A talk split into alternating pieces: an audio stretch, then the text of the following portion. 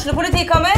Ine Jansen er purk. Er du purk? The motherfucking bitch. Alt jeg vil, er å finne ut hva som skjedde med mannen min. Jon Carew. Er jeg sikta for noe? Iben Akeli. Det er du. Ole So, Lars Berrum og Big Daddy Karsten. Hvem sin side er du på, egentlig? Anette Hoff, Tone Danielsen, Kommer du fra Afrika?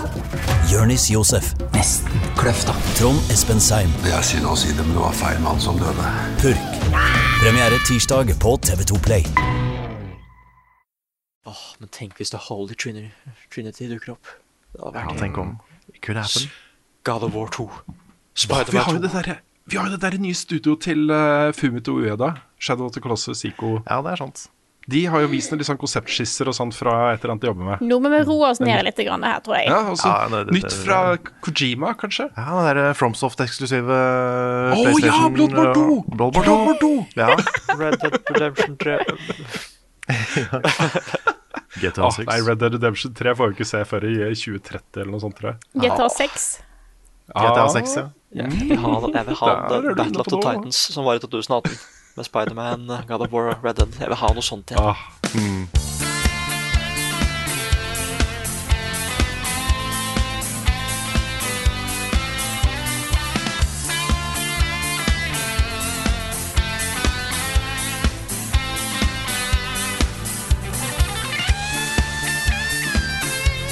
Høsten begynner å nærme seg, det begynner å bli kaldere. En merker at det begynner å bli en stund siden sommeren, og en stund siden siste episode i duellen. Og Rune, har du valgt navn?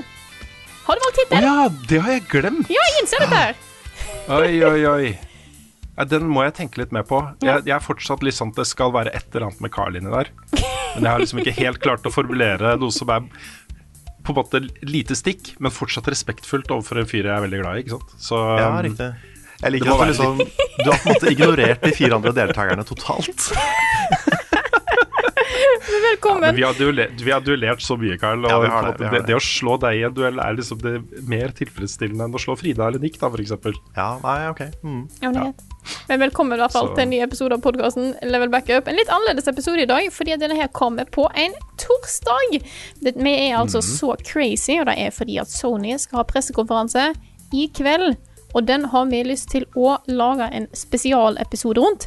Så vi gir ut denne podkasten på forhånd, og så kommer det en deluxe super special, nesten E3-stemning, Sony-ting i morgen. Ja, Yes. vi flytter liksom eh, spalten Ukens hotteste til en egen liten mini-spesialepisode. Litt sånn crossover med spilluka også. Det er, liksom, det er litt for store nyheter til å vente liksom en hel uke med podkasten og komme med det, liksom. Og også litt for store nyheter til å vente til tirsdag med å ha det i spilluka. Så vi får det bare ut så fort som mulig, da. Etterpå, liksom. Så mm. egen håper ting. vi, da. Vi vet jo ikke hva nyhetene er ennå. Nei. Nei, men Sony snakker om dette her på altså det, Ja, De det det. bruker sånne Det det. etere-hype-formuleringer i uh, forhåndsannonseringa. Det er sant. God of Det War. Kan hende- kan God hende vi ja, det vi får se God of War Det og blir God of War. kanskje Spiderman. Altså, you never know. Ja, vi kommer til å se noe helt nytt også, tror jeg. Og da hyper jeg meg sjøl opp. Det er helt unødvendig. Skummelt jeg holde på sånn? Men det er E3, vet du. E3-aktige ting gjør noe med oss. Det er jo ikke E3, men Ja. dere, dere vet hva jeg mener. Men eh, dere har jo hørt to stemmer her i dag. Det er Karl Martin Hogsnes og Rune Fjell-Olsen. Og vi har òg med oss Niklas Halvorsen. Hallo, alle sammen. Hello. Huhu. Eller? Hørte dere det? Det var en, det var en ugle i rommet. Ja, det var en ugle. Hvor kommer det fra, må tro? Nei, jeg jeg, sjekke, nei, det kan vi ta etterpå. Men, men uh, vi må tilbake til PlayStation 5, for vi skal jo ha livestream i kveld. Og den pressekonferansen går live på, på nett klokka ti i kveld. Eh, torsdag kveld. Og Da kjører vi live på Twitch TV slash Level Up Nord, og det pleier å være helt sjukt god stemning på disse liksom sånn etere-lignende pressekonferansene, ikke sant. Eh, Så det blir kjempegøy. Og så tar vi også og spiller inn da den spalten, Ukens hotteste, slash spilluka, eh, live da, på den streamen direkte etter pressekonferansen. Så dette her bør folk få med seg. Jeg håper eh, mange hører denne podkasten selv om den kommer ut på torsdag ettermiddag. Um, og grunnen til at det er klokken 18.00 er pga. en embargo da, på et av spillene vi skal snakke om uh, litt etterpå. Hype. Så det er bare å finne fram pennene og gjøre seg klar til i kveld, altså. Dette blir eh, forhåpentligvis knallbra.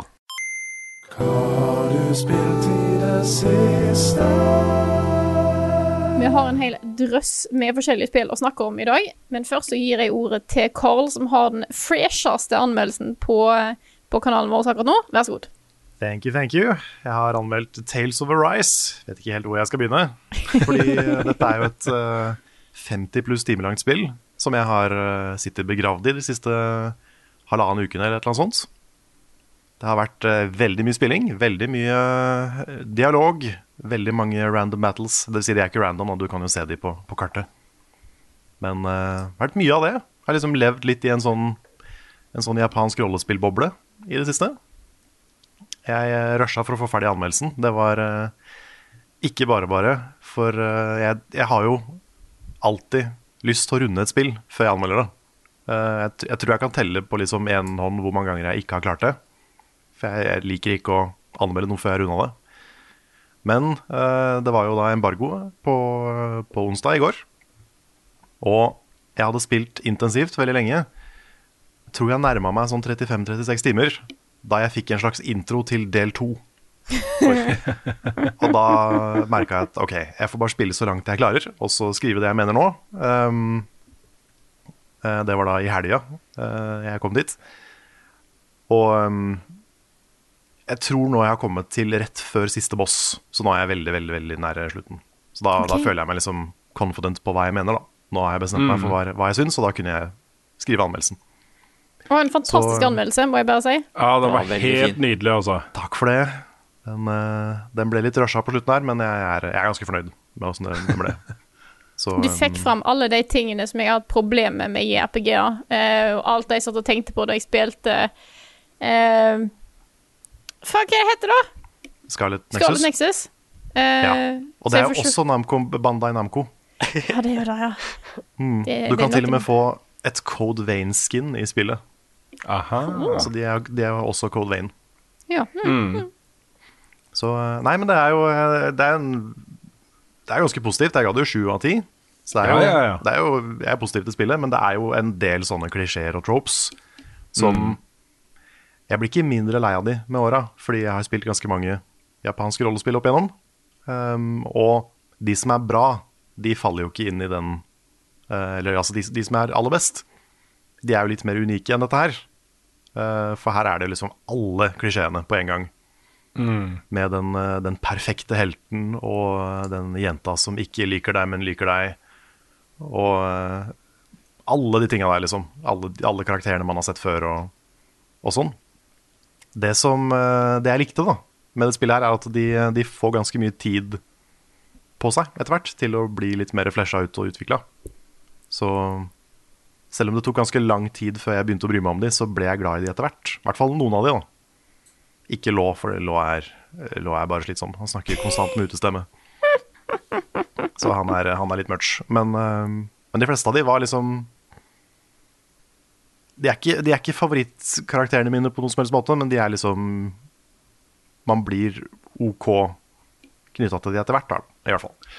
Men da er det, jo, det er jo fint, da, fordi eh, da er det jo ikke irriterende når alle snakker i munnen på hverandre mens det er uh, battles. Nei, ikke sant? Det er eh, kjempefint. Nei, det er, det er kanskje det største sånn tekniske problemet med spillet. Det er at de, de holder jo ikke kjeft når de slåss. Du hører jo ikke musikken engang, for de bare roper. Ja. Så det håper jeg de fikser. For det, det var jo samme problemet med Xenoblade Chronicles, var det ikke det? Ja? Xenoblade Chronicles 2. Eh, da ble Ja. jo patcha, da. Eh, ikke snakkinga i vanlige battles, men den ene plassen der du hadde noen fiender som bare sa de samme to voicelinesa hvert sekund. Eh, Ja. Da ble patcha. Mm. Riktig. Men resten av skrikinga, da må du bare leve med, på en måte. Det er realistisk, Mm. da. Ja. Ja, altså, det, det er mye brøling når man slåss. Det er jo en kamp, liksom.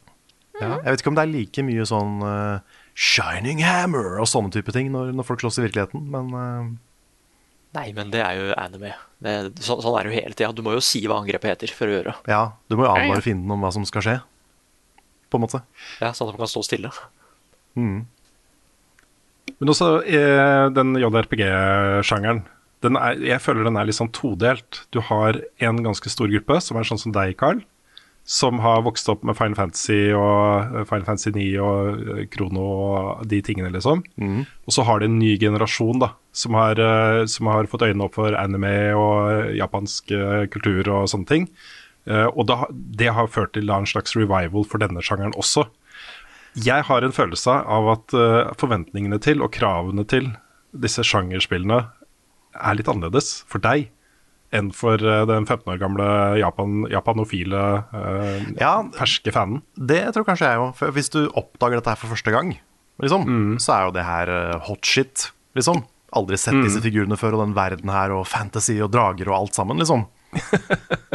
og jeg var jo også litt der da jeg var 14, og var liksom, hadde nettopp sett eh, Fellowship of the Ring på kino, og bare oh my god, jeg kan ha det her i spill. Og da var jo det dritfett. Men jeg syns jo fortsatt da at de uh, Ikke alle japanske rollespill jeg spilte i gamle dager. Sånn som uh, jeg kødda litt med Star Ocean i anmeldelsen. Ja. Det, det, er et, altså, det er et gøy spill, men den historien den henger ikke på greip i det hele tatt. Det er den Men- rareste pacinga jeg har vært borti noen gang i noen ting ever. Men nå tror jeg jeg skal eh, nå, nå skal jeg si noe som jeg er redd for at det kan, kan bli litt reaksjoner på her, Karl. Ok, Det er en del av de klassiske JRPG-ene òg som har historier som er fader meg et kaos uten like. Ja, ja, ja. Mange av de. Altså, av de. eh, nå, nå, nå har ikke jeg spilt eh, Kingdom Hearts, eh, men jeg, jeg trekker frem den likevel. Mm. Og når jeg prøver å tenke tilbake igjen på historien, hele historien i Final Fantasy 7, så er den òg et, et, et, et, hav av la oss hoppe hoppe overalt. Ja. Det er sant. Men Ja. det er samtidig en historie som funker, syns jeg. Fordi den, den, har, den har tematikk, og den har liksom et manus og uh, et budskap og en idé bak seg som Yes. henger litt mer på greip. Men det er fortsatt den derre eh, la oss putte inn twists når vi kan. Ja, ja. Tingen som jeg tror Som fortsatt henger igjen, da. Så det er derfor jeg bare Ja. ja. Ja, vi hadde jo en liten prat om dette her på Eldorado i går også, Carl. Fordi jeg elsker den anmeldelsen din. Og den er jo en litt sånn gjennomgang av uh, sjangeren. Og så den snakker jo, du snakker jo en del om uh, tropes og sånne ting som er i øh, øh, JRPG-spill. Og for meg så var det nesten litt sånn nyttig, fordi det, dette er jo ikke en sjanger for meg. Og når du snakker om den måten du snakker om på, de eksemplene du viser fram, og også med Tales of Rise-spillet, så er det sånn, ja, det er fortsatt ikke en sjanger for meg også. Jeg klarer ikke å knytte meg til de rollefigurene og den måten å fortelle historier på. og sånne ting. Jeg, jeg vet det er noe der, og jeg vet at liksom storyen i Krono Trigger og sånt er noe for meg. Men sjangeren i seg selv, altså den måten den er bygd opp på, og det som er forventninger eh, til den sjangeren, treffer meg ikke like godt som en del andre typer spill. Nei, jeg, jeg skjønner hva du mener. Samtidig så er det veldig mange forskjellige typer JRPGs også. Jeg mener jo at eh, Metal Gear Solid er en 100% JRPG-historiefortelling. Ja, skal, vi ta nye, skal vi ta spalten som vi har stjålet fra Radcrew på den? Ja, Is It Anime? Nei, altså men, men det mener jeg at Metal Gear Solid er et JRPG alt annet enn gameplay, liksom. Ja, ja, ja. Um, så det fins mange måter å fortelle de historiene på også. Uh, og jeg, jeg mener jo at f.eks. Final Fantasy 9 er en god historie, sånn ordentlig fortsatt. Uh, og det, det er ikke lenge siden jeg spilte det på nytt, og jeg syns det liksom Det har holdt seg, og det er en fin historie, da. Og jeg må jo Eh, si at jeg syns det samme om Final Fantasy 7. Eh, og jeg, bare, jeg skal ikke ta dette altfor langt. Eh, jeg, men jeg er enig med deg, Carl. Jeg syns at eh, i hvert fall det har Det har et budskap og en visjon. Og jeg føler litt at en, noen av disse nyere JRPG-ene prøver å lage en kul story for å ha en kul story. Ja, og det er, det er litt det jeg også mener med alle de som havner i de samme tropesa og, og sånn. Fordi de, det føles som de har spilt veldig mange andre spill og har lyst til å være sånn som de. Så la oss putte inn den figuren fra det spillet og den figuren fra det spillet, og så får de til å bli forelska i hverandre, og så har vi den fighten og sånn og sånn og sånn. Ja. Um, og så blir det på en måte bare et sett med scener som er kule fordi de har sett det et annet sted. Ja, enig. Det er litt, litt sånn det ofte føles, da. Ja. Men um, Og jeg, når det kommer til Kingdom Hearts, er jeg helt enig i at den historien er uh, bonkers, liksom. Men der også så har du liksom en sånn der, Du har et sånt hjerte, da. Du har en liksom tematisk undertone som er litt real og litt sånn fin. Og det er det jeg trenger for at de historiene her skal funke for meg. Jeg trenger liksom et eller annet å henge meg fast i, som er litt sånn Litt real, på en måte. Ja. Sånn som uh, når jeg snakker om liksom den der empatien i Undertale, for eksempel. Den er så sterk, og det er det jeg husker med det spillet. Så jeg trenger noe sånt, da. Noe som, liksom, noe som jeg sitter igjen med etterpå. Ikke bare litt sånn generisk eh, sci-fi fantasy babble, men noe som, er litt mer, som har litt mer innhold. da. Ja, Nei, jeg er veldig Og det enig. er på en måte, det er på en måte forskjellen på et, en bra uh, spillhistorie og en dårlig en, ofte, for meg. Men uh, Det var en uh, lang digresjon, kanskje. Men, uh, men Tales of Rise er gøy. Det er et uh, veldig kult kampsystem. Det er, uh, det er veldig pent å se på. Noen av de landskapene i det spillet der er kjempefine. Spesielt det der grønne området du kommer til etter hvert. Det er sånn når du har vært i uh, en sånn vulkan og en sånn isverden lenge, og kommer til de der grønne plainsa, så er det, da er det pent, liksom. Og så, og så er det litt tematisk sammenheng i det. Det er ikke fullt så mye som i Final Fantasy og de, de historiene som jeg liker veldig godt. Men det er, det er noe, da. Det handler litt om sånn Det handler om uh, undertrykkelse og krig og uh, makt og sånne ting. Og det, er liksom, det har en del tematikk i seg. Uh, selv om det ikke liksom går fullt så dypt ned i det som jeg skulle ønske det gjorde. da. Det, er ikke, det er ikke noe du trekker fram på skolen for å liksom, dette er det makt gjør med det det er ikke helt der, men det er liksom elementer av det. da. Så um, litt, litt blanda, men positiv. Sju av ti. Så, um, så det. Nice. Jeg uh, tar over, jeg. Ja, kjør på. Kjør på. Fordi um, jeg nevnte i starten at uh, det er en sperrefrist, som er da i dag torsdag klokka 18.00, og det er på spillet The Artful Escape. Ikke på å snakke om det, jeg kunne snakke om det i går, uh, men å vise video. Så jeg har lagt på da video fra det spillet i denne podkasten. Så da, jeg vil gjerne at folk skulle se det. Jeg, jeg må også bare nevne at å se dette spillet her uten å høre lyden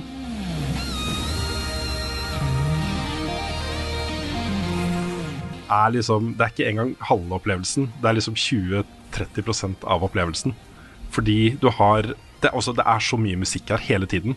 Du kan gå da på alle brettene, bare holde inne X-knappen, og da spiller den en, på elgitar en gitarsolo hele tiden.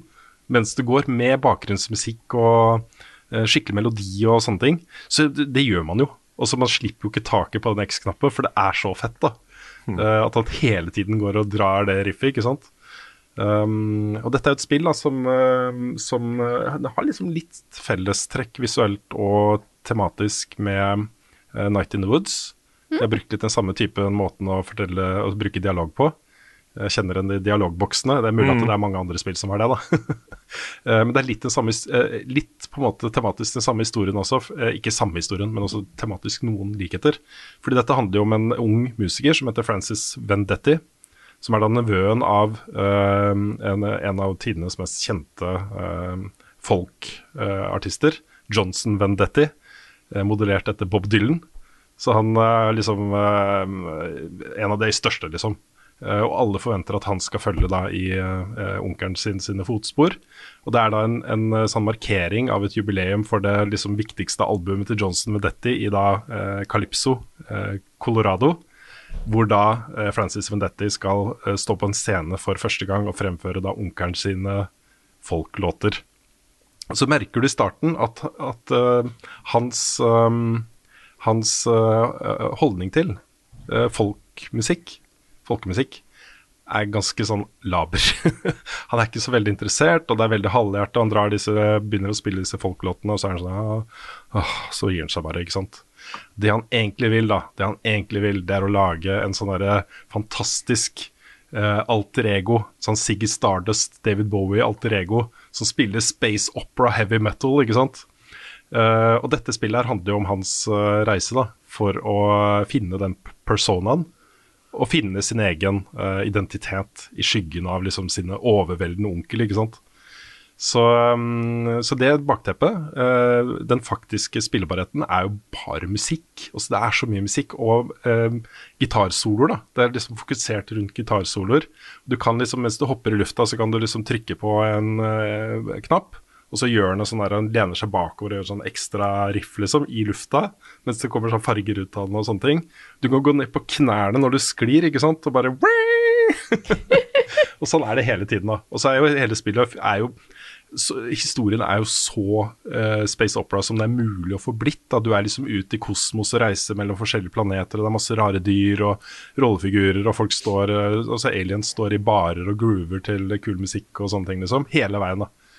Så dette er et veldig sånn derre musikkfokusert, livsbejublende um, spill. Hvor uh, det handler ikke så mye om gameplay, det handler mer om den følelsen du får mens du spiller det. For gameplay er litt sånn små Jeg, jeg vil, ikke, si det er kjedelig, uh, det er, dra det litt for langt, men det er ikke så veldig innovativt på selve gameplay. Men det handler om å bare trykke på knapper for å få ting til å skje med musikken. Og bosskampene er jo litt sånn rytmespillbasert mekanikk hvor du har uh, forskjellige toner da, uh, kobla til forskjellige knapper på håndkontrolleren. Og så må du trykke de sekvenser, samme sekvenser som bossen, ikke sant. Og så jammer dere sammen, da. Så hvis, det, hvis du får det til, så tilpasser liksom musikken seg til bossen. Og så høres det fett ut, liksom. Selv om du trykker ikke akkurat riktig når du skal drikke og sånne ting. Så, så, dette var en utrolig flott uh, opplevelse. Jeg er litt sånn usikker på hva jeg er litt i score. Jeg har kommet ca. en tredel gjennom spillet. Det er ganske kort, etter det jeg har forstått. Rundt seks timer. Jeg har spilt et par timer. Um, men jeg liker det sjukt godt pga. den følelsen jeg får.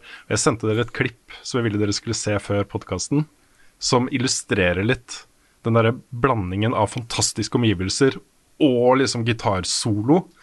Hva, hva syns dere? Dette Altså, musikken her er jo noe som høres ut som det jeg kunne hatt på en av spillelistene mine. Mm. Uh, og jeg, jeg, skjønner hva du mener med at gameplay, uh, i hvert fall for det klippet der, da, det korte klippet, uh, ser litt tamt ut. Men jeg kan godt skjønne at dette handler mye mer om den, den innlevelsen, da. At du får mer en sånn Altså, Tetris-effekt er jo bare Tetris, men det er dritkult. Mm. Og det er litt det samme jeg tenker her, da. Mm, at, du kan, mm. at, du kan, få den samme altoppslukende følelsen. Mm. Ja, jeg ser for meg at det kommer til å bli enda mer eks eksplosivt etter hvert, liksom. Mm. Eh, med enda flere farger og regnbuer og ting som skjer i bakgrunnen og sånn. Men det var utrolig stilig å se på. Ja. Ja, for du velger liksom i, Du får noen valg innimellom, hvor du kan velge på en måte biomes, da, eller verdener, som du skal reise til, hvilken rekkefølge du skal ta det i. Uh, og da valgte jeg jo først da, den som var, var liksom in space. uh, men det andre alternativet var liksom det Da var det sånn edderkoppverden. Uh, og så var det en, en, sånn storby, neon storby og sånne ting. Altså de verdenene vil være ganske forskjellige fra hverandre, sånn som jeg har forstått det, i hvert fall. Um, men det er, det er, riktig at det blir noe mer interaktivt og noe mer um, spektakulært, da. Uh, I sekvenser, i hvert fall. Og Særlig disse bosskampene er jo liksom Det er kjempegøy, da. Ordentlig gøy. Jeg syns det er litt vanskelig. Jeg har alltid slitt litt med Guitar Hero og alle disse spillene. Å treffe de notene. Og så huske Å, nei, det var ikke den knappen, ikke sant. Og så blir det sånn Og så stopper vi bosskampen opp, og så må du prøve på nytt, og så mister du flyten og sånne ting. Men uh, så får du det til, da. Og så avslutter liksom bossen og du med sånn felles bare sånn Det er helt konge, også. Jeg ser for meg nesten litt sånn eh, som de musikkbanene i Rayman. Rayman Legends ja. og, og, sånn. Det kan nok stemme at det er noe et eller annet der. Det er sånn Mens du spiller, da, så våkner liksom omgivelsene litt i liv og sånne mm. ting også. Så um, du har veldig sånn direkte påvirkning av hvordan det ser ut på skjermen, da, og hva slags musikk som kommer. ikke sant? Så um, jeg, jeg, jeg, skal prøve Jeg skal prøve å rekke å få lagd en anmeldelse av det, for det syns jeg det er verdt. Uh, men Um, det, det, kommer et annet spill neste uke som um, vi ikke kan snakke om ennå, Nick. Men vi har fått review-kode. Jeg har fått, og så skulle jeg invitere med en venn. Og det, venn, vennen min ble jo da Nick. Oh. Deathloop. Jeg har fått Deathloop, så det skal vi spille så busta fyker um, utover. Uh, prøve, å, prøve, å, rekke sperrefristen. Det vet jeg ikke om vi gjør, men uh, vi har i hvert fall fått det og er i gang. Så, så, den er nært forestående, da, en anmeldelse der. Men um, bare for å avslutte med Artful Escape. Jeg er sånn uh, litt for tidlig for meg å gi en score, liksom. Det kan jeg ikke gjøre nå. Uh, men det ligger an til å få en ganske høy, i hvert fall. Det, det ikke, det, jeg koser meg så sjukt mye. Og det å se opp igjen også, de klippene fra opptaket, er bare sånn ja, det, det, var så fett. Det var akkurat så fett det var. Liksom, jeg får den samme følelsen igjen, den samme gleden av musikken og fargene og omgivelsen og alt det som skjer da, på skjermen. Um, og dette er jo et um, uh, konsept også som er utvikla av, av, en lead guitarist i et band. Uh, som heter Johnny uh, Galvatron. Han heter jo ikke Galvatron, men han kaller seg Galvatron. Og har et band som heter The Galvatrons. De er australske. Um, og han fikk dette, denne ideen, og så lagde han et spillselskap sammen med noen andre. da. Uh, som uh, bare lagde spillet. Så det, utgangspunktet er musikk, liksom. Og litt den derre prog-rock, uh, space opera, heavy metal-sjangeren av musikk. med liksom helt åpenbare innflytelser fra Si- Siggy Stardust og David Bowie og den derre alter ego-personaen på scenen-type ting. da. Eh, og så vil jeg også bare nevne helt til slutt at eh, eh, rollefigurene i dette spillet, bossene og en av de viktigste siderollene, er jo styrt av veldig kjente skuespillere. Så Lena Heddy er en av rollene. Så er det også Jason Shortsman er med, Mark Strong, og da Carl Weathers, som var den første eh, viktige birollen jeg møtte. da. Det er ikke en boss, men han har liksom ansvaret for sin verden, liksom. Uh, det er litt morsomt, altså. De gjør ganske mye ut av, uh, av disse rollefigurene. Det er mye personlighet og sånt, basert på musikk, da. Uh, og liksom musikkfaget. Det å være en artist som går på turné og har platekontrakter og går i studio for å spille inn og sånne ting. Det er veldig sånn musikknerding på de tingene også. Um, så da i motsetning til 12 Minutes, hvor jeg følte at disse kjente skuespillerne var da litt mer sånn staffasje, så, så, så gjør de en mer solid innsats her. De har, det med for seg at det er kjente navn i dette spillet, uh, syns jeg. Så, um, så dette her var uh, digg, altså. Digg. Ordentlig kult sånn avbrekk uh, fra alle de andre tingene jeg spiller om dagen. Så I like. Og når vi da er inne på 12 minutes, Nick, Det stemmer. dette spilte jo du og jeg, på en måte, på stream. Ja. Hva er Da, da var jo en, da var jo en reise, da. Vi, vi greide det på tre og en halv time, tror jeg. Med litt hjelp fra Carl. Ja. Ja, det var ikke så mye. Nei, Det var et par steder hvor jeg, hvor jeg hoppa inn, men det var ikke, dere klarte ganske mye av det der på, på egen hånd. Altså. Det var jo, et, det var jo en opplevelse da, da. jeg vet ikke hva Ja. vi skal si om dette jeg, eh, Nick. Jeg kan jo si at det liksom Jeg syns det var kjempegøy å streame det. Uh, mysteriet var så kult de første timene. Det var så bra. Og så var det så gøy bare finne ut ting med Frida, liksom. Vi hadde forskjellige uh, strategier som vi prøvde. Nei, det var jo egentlig bare den slutten som jeg driver og tenker litt på. Uh, Ja, for du tenker fortsatt på han. Jeg bare la han fra meg, for jeg uh, orker ikke tenke så mye på han.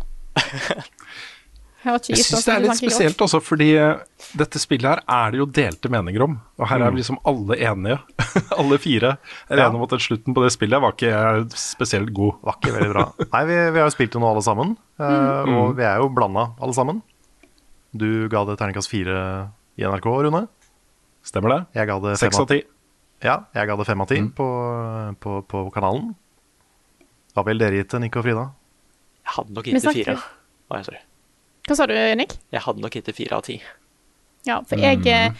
eh, Det er Da at vi kunne skippa en veldig lang periode der vi bare gikk og, og virra fordi at Carl hjalp oss med en liten shortcut på slutten, da tror jeg eh, På grunn av da så tror jeg opplevelsen min er en seks av ti.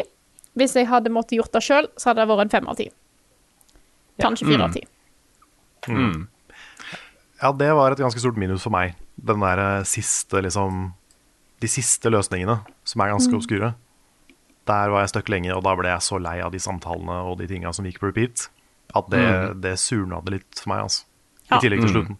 Ja, for jeg tror det hadde, det hadde ødelagt mye for meg, for sånne ting gir meg eh, irritert. Og når jeg sitter fast på sånne ting, så blir jeg det, det er så frustrerende for meg at jeg blir fysisk kvalm.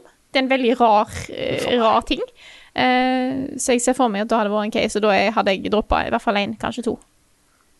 Men har vi, har vi fått uh, lavere attention span, folkens? Fordi dette er jo på en måte en sånn inherent ting i PK Creek Adventure-sjangeren. At, uh, at det er puzzles, hvor ikke alltid løsningen er åpenbart. Og bare se tilbake på Monkey Island-spillene. Noen av de tingene du skulle gjøre der, var jo sånn Også det at folk fant det ut, er jo nesten utrolig. Ikke sant? At, hvor, hvordan de fant ut hvordan de skulle gjøre ting.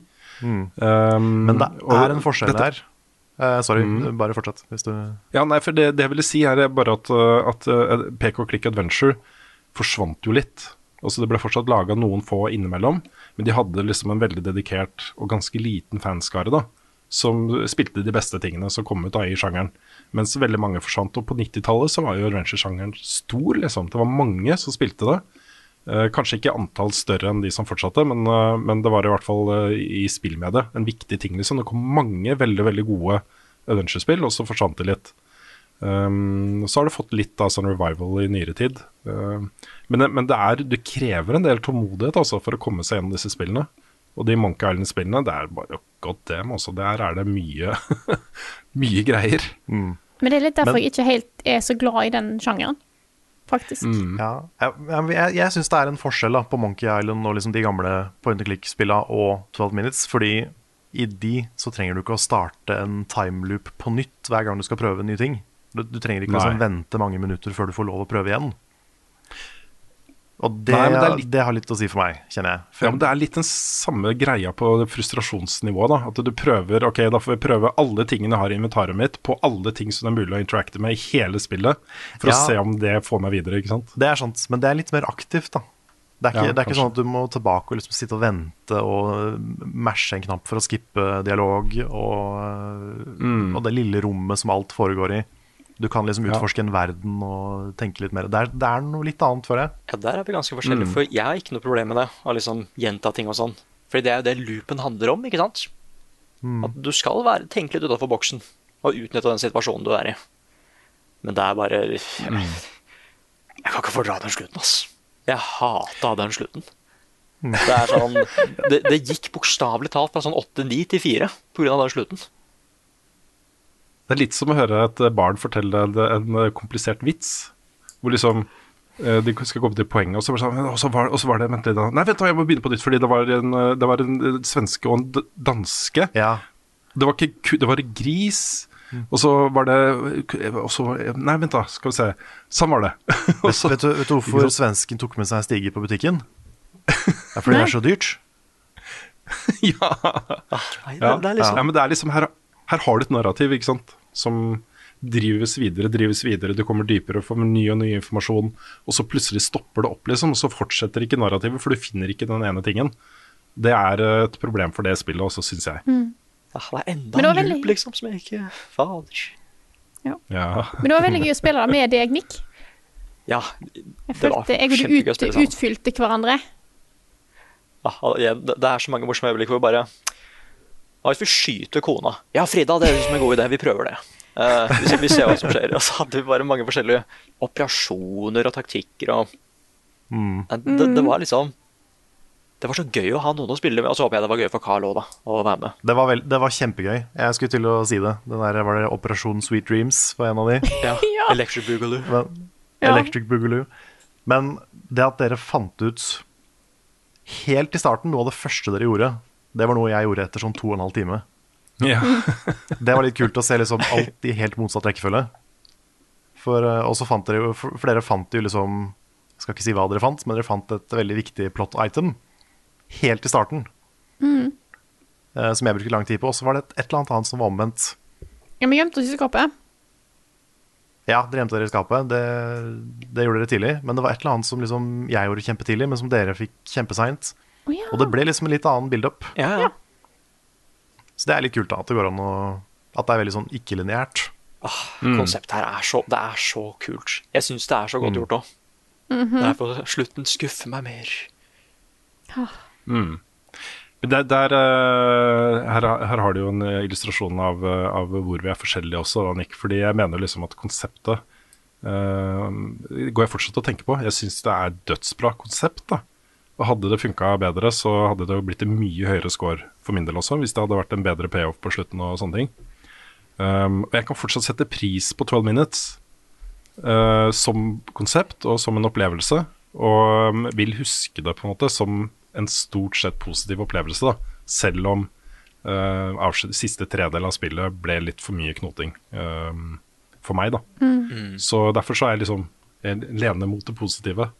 Mens uh, for deg så er det jo tydeligvis, da, etter dette spillet, etter Returnal, etter The Last of Us Part 2 Historien er veldig, veldig viktig for deg. Også en utrolig stor og viktig del av uh, den generelle spillopplevelsen. Ja.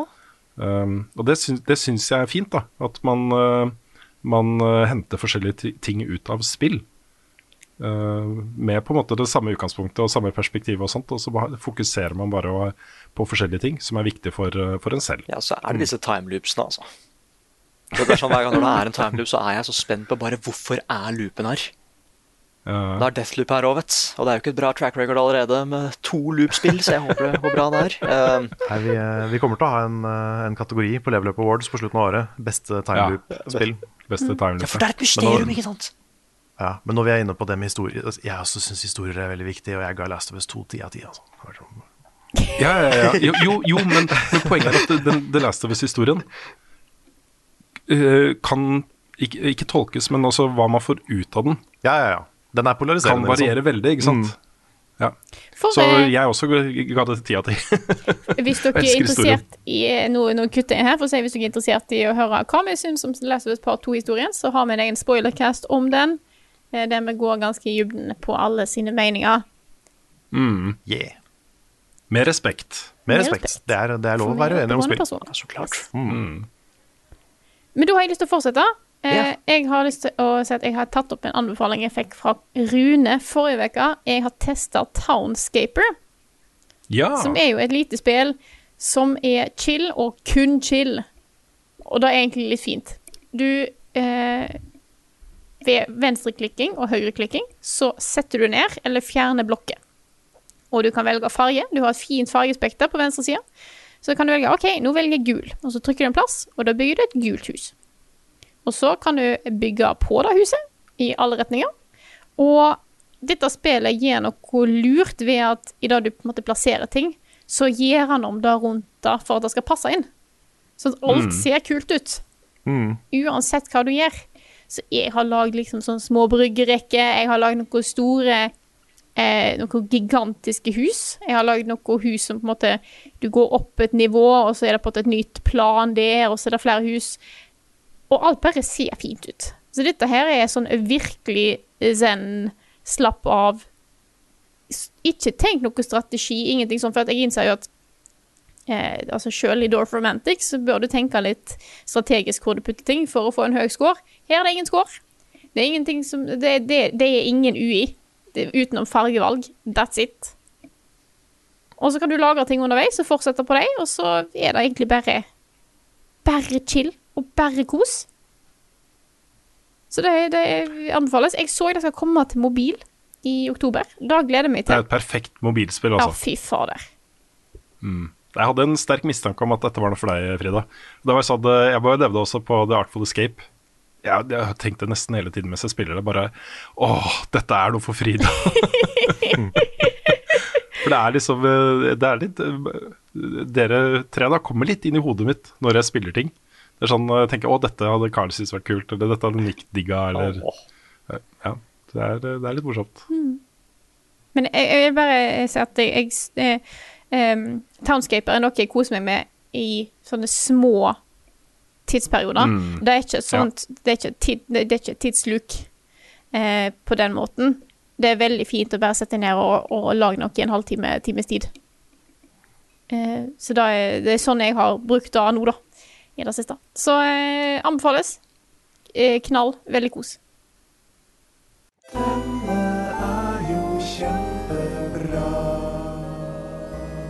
Ukens anbefaling. Før vi setter i gang med denne anbefalingen denne uka her, så vil jeg bare si tusen takk til Carl som anbefalte Ted Lasso forrige uke. Jeg elsker den serien. Jeg tror jeg bare, det eneste jeg bare ser den back-to-back-episode her nå. Så det, jeg, jeg koser meg så mye. Så jeg vil bare Nice. si takk for den. Vær så god. Den serien der er comfort food, altså. Ja, fy Mm, jeg har ikke fått begynt på den nå. Den er bra. Det er så til de grader kos å se på. Ja, herregud. Og da, Carl, Men- da kan du få lov til å komme med en ny anmeldelse. Nei, anmeldelse. Ja, Anbefaling. Jeg, jeg slår til med en anbefaling til. Ja. Jeg holdt på å si anmeldelse, jeg òg. um, og den er, det er faktisk en norsk YouTube-anbefaling. Jeg vet hva du skal anbefale. Ja, du vet det? Har du sett det? Ja. Jeg har sett en episode. Ja, det er da uh, Fordi det er jo valg om dagen. Uh, mange er sikkert usikre på hva de skal stemme. Jeg anbefaler ikke å bestemme hva man skal stemme ut ifra disse episodene. Selv om det er noe i det. Men dette er da en YouTube-serie som heter Erlend og stortingsvalget. Ja, det er Erlend Mørk. Erlend Komikeren Mørk. Erlend Mørk. Yes. Og, Det er kjempegøy. Det, det, ligner, det minner meg veldig på Between Two Ferns. ja. Det er nok litt inspirert av det, tror jeg. ja, for det, dette er jo da et eh, Du kan kanskje kalle det et politisk talkshow, men med veldig, veldig, veldig mye bullshit. Hvor de da har Nice. uh, invitert noen fra hvert parti. Alle, alle de store partiene. Eh, jeg har ikke sett så mange episoder ennå, jeg har sett sånn tre- to-tre stykker. Men de er så morsomme og så teite. Eh, det er ganske høy cringe-faktor i de. Oh. Så hvis du, hvis du ikke liker eh, awkward silence og folk som ikke nødvendigvis alltid er med på vitsen og sånn, så, så er det ikke sikkert det er noe for deg. Men, men, men det er noen deler hvor jeg bare ler så jeg griner. Altså. Ja. Ja dette er kjempe, kjempebra. Jeg oppdaga ikke Erlend Mørk før jeg hørte ham på Dustene. Han var jo sånn stamgjest der. der. Men han har gjort masse gøy, da. Eh, han har sånn type understated humor som jeg er veldig, veldig fan av. Eh, bra humor, altså. Skikkelig bra. Det er veldig, veldig bra. Det var jo, Den første episoden jeg så, var den med Støre, hvor Støre er gjest. Og eh, Han kommer ikke nødvendigvis kjempebra ut av den episoden. Han har liksom ikke helt den samme humoren som de i studio. Nei. Så det er jo en del sånn Det er jo ganske mange politikere som blir litt driti ut her, men det er, det er på en morsom måte, da. Det er, jeg jeg syns det er kjempegøy. Jeg så den med Bjørnar Moxnes. Ja. Eh, Det er den eneste jeg har sett, da. For jeg begynte å se det først i, i natt. Så var det sånn Å ja, det var den, ja. Den har jeg lyst til å se. Det også var kjempegøy, da. Det er, eh, det er morsomt hvordan han trekker fram også et gammelt intervju han gjorde med Bjørnar Moxnes, hvor han ikke var med på humoren. Han skjønte ikke at dette var humor, Nei. tydeligvis. Så Det er veldig mye sånn Forrige gang jeg snakket med denne politikeren, så ble jeg så såra fordi sånn og sånn. Og det er, sånn, det er ja, ja, veldig sånn fokus på hans følelser, han programlederen. Um, det, er, det er kjempebra. Det er masse bullshit, og så er det liksom Det er jo noe budskap inni der også. Uh, Mm. så Du må liksom grave gjennom litt sånn humor og bullshit for å, for å finne det, kanskje, men det er veldig, veldig gøy. dette ligger da på um, YouTube-kanalen Erlend og Steinar. Erlend og Steinar, det stemmer. Mm. Så eh, check a look. Og Steinar er vel han som er eh, Sigurd i Sigurd får ikke pult. Det stemmer. Det er jo Mm. eh, mange av den samme gjengen. Hele det miljøet der er liksom Det er vel uh, Njø, er det ikke det? Rundt det miljøet som alle disse komikerne henger. Jeg tror det. Det kan stemme. Det, er, det er så mange bra folk der, altså. Det er uh, ordentlig kult.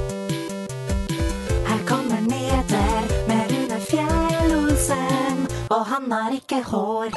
Ja, Ukas hotteste spillnyheter kommer jo ikke før i kveld, det har vi snakka om tidligere. Men altså Sonys store eh, etere, lovlig sent da, vil jeg si. Lovlig sent, men store da årlige pressekonferanse hvor de viser fram alt eh, det aller største, kuleste. Da hyper man opp igjen, vet du. Ja, du gjør det. Karneller. Gjør det. Ja, bare gjør det. Men, men det skal jo sies at Sony har jo sagt at dette er the future of PlayStation 5, liksom. Du kan Ikke ikke, du kan ikke si sånt og ikke ha noe bra. Nei. Og så har de sagt da at det ikke blir noe nytt om PlayStation VR til PlayStation 5. eh, men utover det så er liksom alle, all bets are on. da. Det, er liksom, det kan være hva som helst. Heter det All Um, Bets Are så- On eller All Bets Are Off? All bets are uh, off. Ja. Jeg ble litt usikker, men Alt er ja. mulig, i hvert fall. Ja, det er det samme, akkurat den der er samme forholdet til som um, um, lave og høye odds. ja, det er forvirrende. Det er veldig forvirrende. Ja. Men uansett, da. Den pressekonferansen er ikke før i kveld, så da har vi en egen, uh, egen spesial av podkasten. også på YouTube, hvor jeg legger inn video fra de tingene som, som er mulig å vise video fra. Så følg med på podkasten vår i morgen også, i feeden din. Det kommer da en egen, egen liten spesialepisode om Sonys da store PlayStation 5-pressekonferanse. Og så har vi jo snakka litt om politikk i det siste, om stortingsvalget og klima og sånne ting. Eh, og det gjør vi innimellom. Vi snakker om politikk, og da får vi alltid tilbakemeldinger fra noen da, som mener at, eh, at politikk det eh, hører ikke hjemme i en spillpodkast, og vil ikke at vi skal snakke om politikk. Og svaret vårt er liksom ja, men politikk handler om alt, også spill. og så er det jo ikke et godt argument på motsiden, da. At, eh, at eh, spillbransjen, det er jo masse politikk, da. Masse, masse, masse politikk. Du har jo store Blizzard-saken, som eh, Activision Blizzard-saken som løper og går. Og så har da også en uh, toppsjef i en, et uh, publishing-selskap som heter Tripwire Interactive gått ut da på Twitter med støtte av abortloven, den nye abortloven i Texas. Ja, den, den ganske, ganske stramme abortloven i Tek- Ja, dette er jo et stort, stort politisk eh, tema hvor det er klare skillelinjer mellom de da som mener at det er kvinners rett til å bestemme over sin egen kropp. Uh, grovt fortalt, da. Uh, også de som mener nei. så den abortloven er sånn uansett om det har blitt uh, voldtatt eller det er incest eller hva som helst, er det, er det liksom etter seks uker så uh, du kan bli straffa, liksom, hvis du tar abort, da. Det er ikke alltid jeg eh, går veldig sterkt ut med politiske meninger sjøl om ting. Klima eh, og sånt, vitenskap og sånt. ting. Dette her òg. Dette er en direkte kvinnefiendtlig lov. Jeg syns det er helt idiotisk. Eh, takk for meg. Ja, det er jo en gjeng med eh, menn, da, 50 pluss, som har Mhm. sittet og lagd den loven på vegne av et annet kjønn, liksom. Kvinner. Det er jo Ja, uansett, da. Yes. Grunnen, til at, grunnen til at dette er en nyhetssak, er jo selvfølgelig at, eh, at det har eh, konsekvenser. Fordi um, både da de studioene som Tripwire har i sin stall, og det er jo utviklerne av bl.a. Chivalry 2, uh, Maneater uh, og Killing Floor, er kanskje de mest kjente titlene der. Alle de har jo gått ut og tatt avstand fra den twittermeldingen og den holdningen da, til eh, kvinners rett til eh, bestemmelse over egen kropp. Um, og uh, de har kansellert kontrakter, og det har vært masse greier. da. Og så har også i tillegg uh, Tripwire fjerna John Gibson som toppsjef for selskapet. Så nå er da visepresidenten i selskapet tatt over. Og de har eh, lagt ut en statement om at eh, den twittermeldingen og den holdningen da, til abortloven i Texas ikke gjenspeiler selskapets meninger om temaet og de ansatte og, og sånne ting, og de tar avstand fra eh, den uttalelsen. Så, så det er jo politikk, da. Det er jo politikk. Det er det. Jeg, jeg ser jo at det har jo uh, Internett har gjort som internett gjør. Begynt å snakke om ytringsfrihet oppi dette her igjen. Uh, da mener jeg altså det er viktig å minne folk på at det er forskjell på å ha en mening og å uh, publisere den meningen på sosiale medier offentlig på internett. Mm. Og at ytringsfrihet ikke er frihet for konsekvenser av dine egne ytringer. Ja, på, på samme måte som når, når jeg går ut og sier at klima er viktigst for meg når jeg stemmer, da er det, det farger jo meg som personlig. Som, Altså det er min mening om det blir en del av min personlighet også i podkasten og i andre sammenhenger. Ja. Da vet folk det, ikke sant. Eh, og da vet jo da folk at John Gibson er uh, tilhenger av en utrolig kvinnefiendtlig abortlov i, i Texas. Og da, Det er ja. negativt for mange. Det er det, og det er rett og slett da at hvis du Det er jo litt med at når du har en så stor stilling, så er det at det du sier og uttrykker av sånne store, kontroversielle eh, temaer, du står på ene sida eller andre sida, eh, så blir det fort knytta til firmaet, hele firmaet du jobber hos. ja, det gjør det. Og det er her kanskje problemene dukker litt opp, da. At hvis du, at, at hvis du har en sånn stilling og går ut med en ytring, så må du vite at det kan ha konsekvenser for hvordan folk ser på hele selskapet ditt. Mm. Eh, Det får da- en direkte ja. innvirkning på businessen din. Mm. Og hvis du da har en del som er eh, imot det du har sagt, så eh, selvfølgelig kan jo de da ta avstand fra selv det firmaet, for det er ja, sånn Ting har konsekvenser. Ytringsfrihet betyr ikke at, det ikke har, at det du sier, ikke har konsekvenser i det hele tatt. Vet du hva, eh, I og med at du er så godt i gang med det temaet, så har jeg lyst til å ta et spørsmål også som jeg har fått inn, uh, som jeg egentlig tenkte å ta seinere. Ja. men eh, vi kan ta en liten prat om dette nå, for det er et spørsmål jeg har fått fra gode gamle Thomas Stavik. Eh, som eh, var jo en av de som dro i gang eh, La Level Up levele, at vi gikk på Patrion og starta eget selskap og sånne ting. Det stemmer. Eh, og sp men spørsmålet hans er direkte knytta til dette her. For det han skriver er når det politiske debattklimaet er så polemisk som vi ser i dag, er det noen ganger dere må anstrenge dere for å ikke bli for politisk i en anmeldelse av visse spill eller i en nyhetssak? Er det visse ganger dere sensurerer dere selv på en måte, for å ikke skape for mye blest i kommentarfeltet? Eh, Jeg forstår at dette kan være et litt kjipt spørsmål, men jeg syns likevel det er litt interessant å høre hva dere sier. Dere har tidligere vært relativt frie med meningen deres, noe jeg syns har vært positivt, men opplever dere at dere har strammet, at det har strammet seg inn, eh, litt inn med åra? Og det første jeg vil si da, er um, at jeg er klar over at når jeg eh, støtter kvinners rett til å bestemme over sin egen kropp, eller sier at uh, klima er kjempeviktig, nå må vi slutte å pumpe opp på olje, vi må fase ut den biten, liksom. Vi må gjøre det vi kan, da. Så vet jeg at det er noen som tenker vet du hva, han dusten der gidder jeg ikke å høre på lenger, så nå slutter jeg å høre på podkasten. Jeg vet det, liksom. Jeg vet at det um, vil være folk som er uenige i, det, uh, i dette, her, men jeg syns fortsatt det er viktig å si ifra.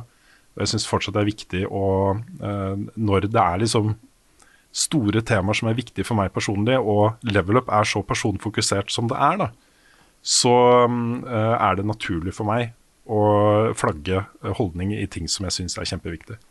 Mm. Så mm, jeg føler ikke at det er lagt mer bånd på meg. Men uh, Nei, jeg føler det litt motsatt, egentlig. Fordi jeg føler det var mye mer motstand før mot å snakke om kulturen og politikken rundt spill enn det er nå. Jeg føler det, er mye mer, Mm. jeg føler det har blitt mer aksept, at kanskje spillere har blitt litt mer voksne og sett litt mer sammenhengen da, mellom spill og samfunnet. Mm. Så jeg, jeg føler det er mindre motstand nå enn det var. Det er veldig Kanskje. tidspunkt jeg føler at jeg må legge bånd på meg sjøl. Men jeg har eh, eh, Altså, det er ikke alle ting jeg, jeg, eh, av, av mine meninger som jeg snakker om i podkasten, men da har jeg rett og slett Det handler om hvor mye av meg personlig jeg har lyst til å ha offentlig. Eh, men jeg har noen, noen kampsaker som jeg er såpass viktige at jeg har ikke noe problem med å, å, å, å snakke om. Eh, og det er sånn som jeg nevnte i stad, eh, at, eh, at vitenskap er ikke en hoax. Eh, klimaendringene er ekte. Eh, ta, vaksiner dere, folkens. Eh, og mental helse er noe vi skal ta på alvor. Og kvinnehelse. Det er liksom, de tingene er såpass viktige for meg at eh, det kan jeg stå for. Har du snakka om? Rusreformen, har du snakka om? Rusreformen har jeg òg snakket om. Det er liksom ting som er såpass viktig for meg personlig at jeg har ikke noe problem å snakke om det, fordi at det er, dette er bare ting som Dette er ting som er såpass tydelige hos meg, da. Mm. Jeg er helt enig. Så, samtidig så er det jo også et poeng at jo viktigere noe er, i hvert fall for meg, da, jeg vet ikke om det er sånn for dere, eh, jo skumlere er det også for meg å snakke om noen ganger. Ja da. Fordi Ja. det, det er så viktig å ikke si noe feil. Det er så viktig å få fram det man mener på riktig måte. Og det, er, det gjør i hvert fall meg nervøs, men jeg prøver samtidig å ikke la det stoppe meg fra å snakke om det. Vi har jo hatt tilfeller i eh, denne podkasten og andre sammenhenger, eh, level up-sammenhenger, hvor vi har diskutert betente temaer. Hvor vi har både hatt en diskusjon i forkant på liksom eh, hva slags retning diskusjonen skal ta, og også har redigert litt i etterkant Uh, hvor vi ser at dette er unødvendig fordi det kommer til å liksom trigge på feil måte. da. Også meningen vår kommer ikke godt nok fram, og det blir liksom bare motpoler og alt dette her, liksom. Um, så, så vi er bevisste på dette her. Og det er, vi vet at det er, kommer reaksjoner hver gang vi uh, snakker om disse tingene. Men jeg vil minne folk på at er det sikkert 99% av tiden på alt innholdet vi lager, så snakker vi om spill. da. Det er jo liksom stort sett spill vi snakker om. Eh, og spill som kulturuttrykk og alle disse tingene, det er jo det som er viktigst for oss. Men vi eksisterer ikke i et vakuum. Vi er påvirka av verden rundt oss. Eh, og tenk da, hvis uh, vi, forskerne har rett, at hvis ikke vi snur nå liksom, og gjør noe drastisk med uh, miljøet, så, så vil det liksom påvirke verden så mye da, at kanskje ikke det er mulig å lage spill om eh, 70 år, liksom. Det vil jo definitivt påvirke mediet vårt, ikke sant? Ja. Um, Og så er det jo veldig mange som er spillengasjerte, som er opptatt av at spill skal bli tatt mer på alvor og bli sett mer på som kunst og kultur, på linje med andre, uh, andre kulturformer.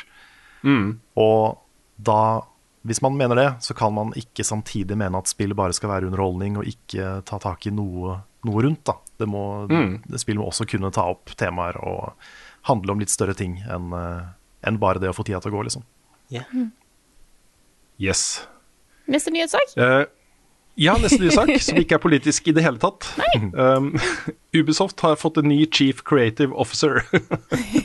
Rett over på god gammel sak som har reversert nå lenge. Um, det, det er jo to år siden, tror jeg, siden um, um, han som heter Serge Hascoue, eh, som er en av de som har fått flest varsler mot seg i Ubisoft. Var da tidligere chief creative officer. Også ansvarlig for å engasjere og ansette alle nøkkelpersoner på de viktigste teamene som lager spill. Eh, og dermed liksom også en, en eh, litt sånn pådriver for en, en ganske usunn kultur da, i firmaet. Og det er en svær sånn oppropskampanje med nåværende og tidligere Ubisoft-ansatte som har stilt en rekke krav da, til ledelsen i Ubisoft. eh, som handler om da eh, få liksom bort ukulturen. eh, få vekk den seksuelle trakasseringen, gutteklubbkulturen uh, osv. Og, så videre, og ta det på alvor. Eh, og dette er jo da, eh, blir jo presentert fra Ubisoft som eh, et, et tiltak de gjør. Å hente inn da Igor eh, Manco, eller Manzo, Man, Man, Manco? Eh, som ny da eh, Chief Creative Officer. Han er da veteran i Ubisoft. Og det er sånn, Dette er litt farlig å tøyse med, da. Men hvis du ser bildet av han, da Han, han er sånn fransk kjekkas. Han, han ser litt litt ut som Yves Guimot. Bare Litt rann. ja. Ja, så Men øh, han, han har forhåpentligvis et godt rykte på seg. Jeg har ikke hørt noe annet, i hvert fall. At, uh, enn at han er en uh, bra fyr, da. Um, det blir også sagt at han skal jobbe tett med både creative teams, også på um, hva slags folk som promoteres til lederroller. hva slags folk de ansetter til lederstillinger og sentrale roller på teamene. eh, hvor da et mål, et uttalt mål, er å sørge for um, eh, mer inkludering og bredde og um, et tryggere eh, arbeidsklima da, for alle ansatte. Han skal også jobbe tett med to andre sjefer i lederteamet, som er uh, Virginie Haas. Virginie, Virginie. Jeg tror du nailer de navnene her, altså. Ja, ja, ja. Chief, der får jeg, får jeg fireren min i fransk C-språk på videregående. Får virkelig betalt seg nå. Ja, ja, ja. Eh, Jeg er sikker på at kona mi inne på hjemmekontor, som er veldig god i fransk, da. hun sitter og det skjærer, det er så negler ned ikke sant. Men hun, eh, hun er jo da Chief Studios Operating Officer. eh, Og Sandrine Coloraro, Chief Portfolio Officer. Så De tre skal tydeligvis da danne et slags team som skal liksom gå gjennom lederroller og bygge liksom nye ting. Eh, og Det har kommet en ny uttalelse fra denne gruppen av det er rundt 1000 nåværende og tidligere Ubisoft-ansatte som har skrevet under oppropet. Ny uttalelse der som sier at det er positive til eh, ansettelsen og at eh, eh, dette blir tatt på alvor, men at det, det gjenstår å se da, uh, hva slags effekt dette har. Fordi nå har det gått og vært stille om det et par år, liksom. Det har ikke kommet mange uttalelser fra ledelsen i Ubisoft på, på de kravene som har blitt stilt. Så, um, så vi får se. Men uh, tydeligvis et eh, stort systemisk problem i det selskapet over mange år, Uff. som forhåpentligvis eh, blir løst nå, da. Så til mer hyggelige saker. Det har kommet et nytt Sonic-spill som Ja! alle er fornøyd med, som ikke har noen tekniske problemer i det hele tatt. Nei, For det er så fint når du kan gi ut Det, det er jo så mange dårlige Sonic-spill. Så det er så fint når du kan gi ut eh, de spillene som er gode, mm. og gi de dårlige. Ja. Ja.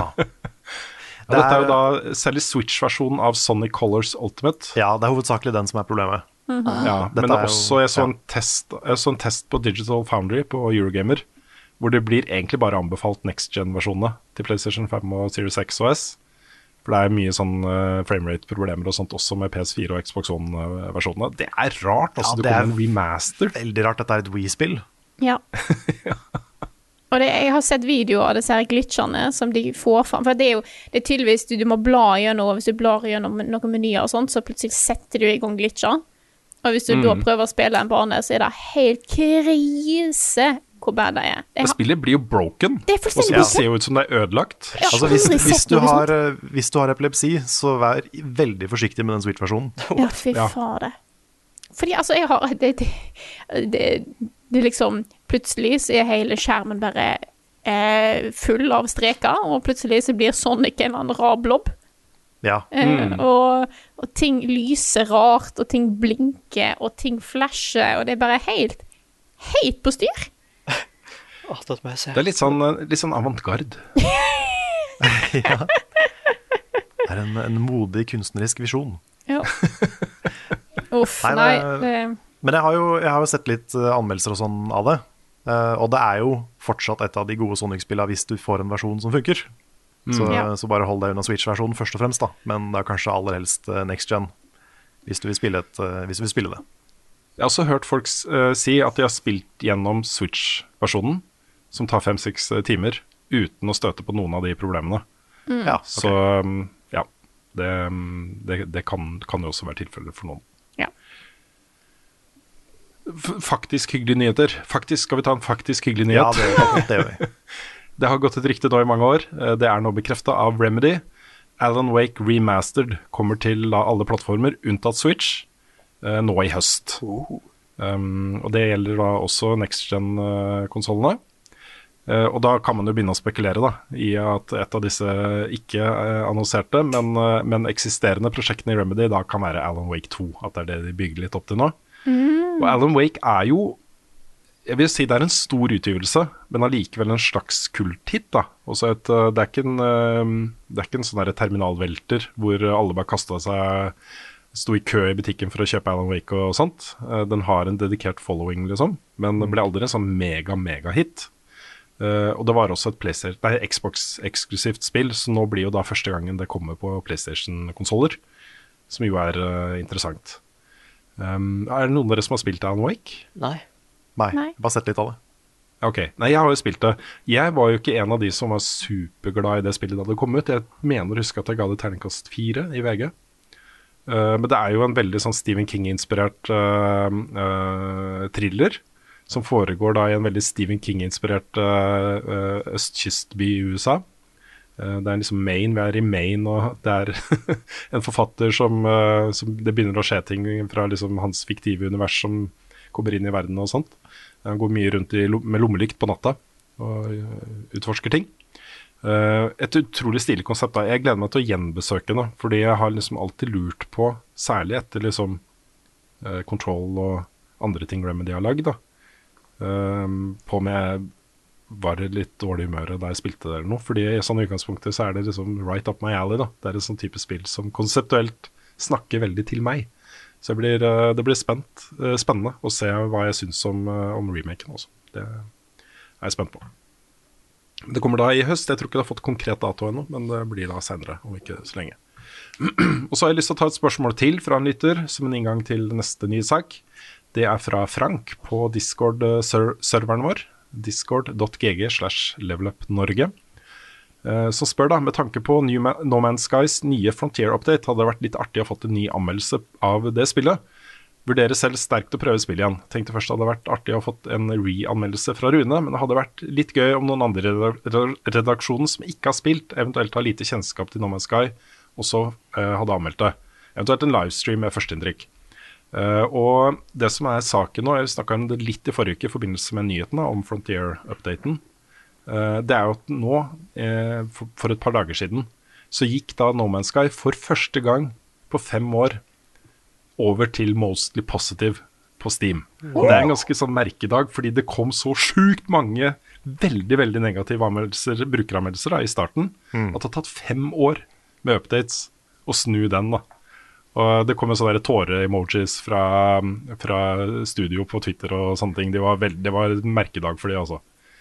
Uh, og det er, det er ingen tvil også, hvis du er glad i type sånn Minecraft-lignende space exploration-spill med masse basebygging og utforsking og uh, ressursutvinning og uh, sånne ting, liksom, så er det spillet er så bra nå. Det er så bra nå.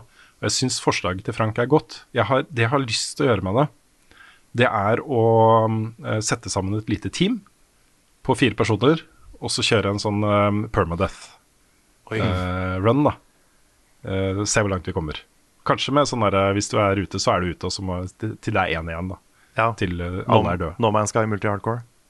Ikke sant? Det tror jeg hadde vært kjempegøy. Jeg har lyst til å ha med Jostein i Rad Crew på det, for han er jo glad i det spillet. Mm. Eh, og så kanskje et par par av dere. hadde vært Nice. kult. så, så vi kommer nok tilbake til No Man's Sky også. Jeg tror ikke vi får gjort det med en gang, for nå har busy season starta. Men, men vi, vi har det på lista. Og så må vi avslutte med Det har vært veldig sånn der opp og ned, eh, den nyhetsspalten her. Må jeg få sagt. Eh, og avslutningen er jo ikke så veldig hyggelig. Eh, Michael K. Williams, skuespilleren, kjent fra da Omar i The Wire, fra en veldig sentral rolle i Boardwalk Empire, og også som um, Irish, altså Sergeant Kimball Graves i Battlefield-serien, eh, er død. Han ble bare 54 år gammel. Og um, det er jo veldig knytta til spillmediet akkurat nå også, fordi han var jo en, eh, med da, i den der cinematiske prequel-traileren for Battlefield 2042. Han var jo den hovedrollen i den, og også, er jo også da en sentral eh, operator i eh, Battlefield 2042 når det kommer ut eh, i oktober. Så, mm, så det var en eh, trist nyhet. Hva er det mest, hvordan fridag sist har Carl egentlig sa? Ukens spørsmål. Og vi hopper fra en Stavik-bror til en annen. Vi har nemlig fått et spørsmål fra David Pollen Stavik her, som jeg tenkte vi skulle svare på. Han skriver Gran Turismo 7 skal lanseres til både PlayStation 4 og PlayStation 5. Det betyr muligens at kjernespillet blir bundet til PlayStation 4 sin kapabilitet. Hva tenker dere om denne typen spillutvikling? Altså der store og nye titler skal dele plattform med forrige generasjon. Det er ikke spesielt kult for GT-fans som hadde håpet på en next gen release. Ja, dette spørsmålet har jo gått igjen igjen og igjen og igjen det siste året. Det ene PlayStation 5-eksklusive spillet etter det andre eh, ble jo annonset at skulle være multiplattform. Det gjaldt jo nye God of War, Horizon, uh, Gran Turismo. Uh, og det, jeg, jeg skjønner at det setter seg en litt sånn følelse av at ok, da blir det kanskje ikke 100% next gen, liksom. Kanskje de må gjøre kompromisser da, for å tilpasse det til tidligere uh, generasjoner, også PlayStation 4. Men det som er litt interessant nå, er at både PlayStation 4 og PlayStation 5 har en ganske sånn PC-lignende eh, hovedarkitektur. Hvor mye av de der bells and whistles-tingene som handler om oppløsning og detaljer på skjermen og, og sånne ting, vil kunne skaleres da, hvis du utvikler det som et PC-spill. liksom. Altså, for det er jo mulig på PC. Det er liksom skru på liksom alt fra anti-aliasing til eh, V-sync og eh, HDR og masse greier, da, som du kan liksom skru på jo kraftigere skjermkort du har eh, og sånne ting. ikke sant? Eh, jo mer ram du har. Så jeg håper jo da at eh, det er det vi kommer til å se. På både Xboxen og på PlayStation 5. Ja, Det er eh, ja når, du, når du ser på både liksom Returnal og Demon's Souls, da, som er to som bare er på PlayStation 5 Det er jo ikke Mm. sånn at det er umulig å gi ut de på PlayStation 4. Du må bare nedskalere kanskje litt partikkeleffekter og litt, litt sånne ting. Mm, det er det jeg tror, da. Sånn teoretisk i hvert fall. Men det kan jo hende da at noen av disse teamene um, legger litt bånd på seg. Altså de dropper liksom de mest ressurskrevende tingene som er vanskelig å ta bort uh, til en uh, PlayStation 4-versjon. Så, så det er nok noe i det, tror jeg, da. Ja, altså Litt. den SSD-en har nok litt å si. Med loading times og størrelse på områder og sånne ting. Så der kan det hende det spiller inn litt.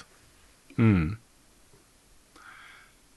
Men eh, holdningen min er egentlig bare vi får vente og se. Ja. Da, jeg kommer til å studere Digital Foundry på de tingene, for de kommer til å ha grundige tester uh, der, altså. Mm. Og så er det jo alltid sånn i starten av en konsollgenerasjon. Ikke nødvendigvis at ting eh, skal funke på begge, men at de blir gitt ut til begge. Mm. Det har jo alltid vært en ting. Så gi det et par år, så er nok det ikke, et, ikke en case lenger. Nei, og Utgangspunktet her er jo at, eh, at det er jo mange mange, mange flere mennesker som har en PlayStation 4 enn en PlayStation 5. Eh, og hvis du fortsatt ikke har fått tak i en PlayStation 5, det er jo mange som ikke har det, eller ikke har tenkt til å kjøpe en PlayStation 5, eller råd til å kjøpe en PlayStation 5 ennå, så vil jo da uh, nye, store spill som forhåpentligvis er bra, da bli tilgjengelig på en plattform flere har. da. Um, og det er jo både en sånn derre uh, fanservice, men det er jo også en eh, åpenbar økonomisk beslutning. Sony har jo vært ut nå eh, nylig igjen da, og poengtert dette at uh, det er så dyrt å lage spill nå at uh, de kommer til å fokusere mer på kjente og trygge merkevarer da, til PlayStation-konsollene sine Det er- uh, enn de har gjort som, før. Det som er litt synd med det, er at det allerede er sånn. Det er jo veldig, Ja. veldig, veldig mye fokus på oppfølgere i spillbransjen. Mm. Så det er ikke nødvendigvis kjempebra at det blir enda mer fokus på det. Nei, men det er jo derfor du Jeg, mener jo det skaper grobunn. For eh, vi har snakka om det mellomsjiktet for et par episo- episoder siden. Det mellomsjiktet har blitt så spennende nå, altså. Det er sant. Så lenge det mm. får fra- rom til å gro, liksom. Mm, ja, det har det jo. Alt fra No Man's Sky til uh, 12 Minutes og Artful Escape og masse. uh, Undertale osv. Liksom. Ting som kommer fra små eller mellomstore studier, som blir kulturelt viktige og omfavna av veldig mange.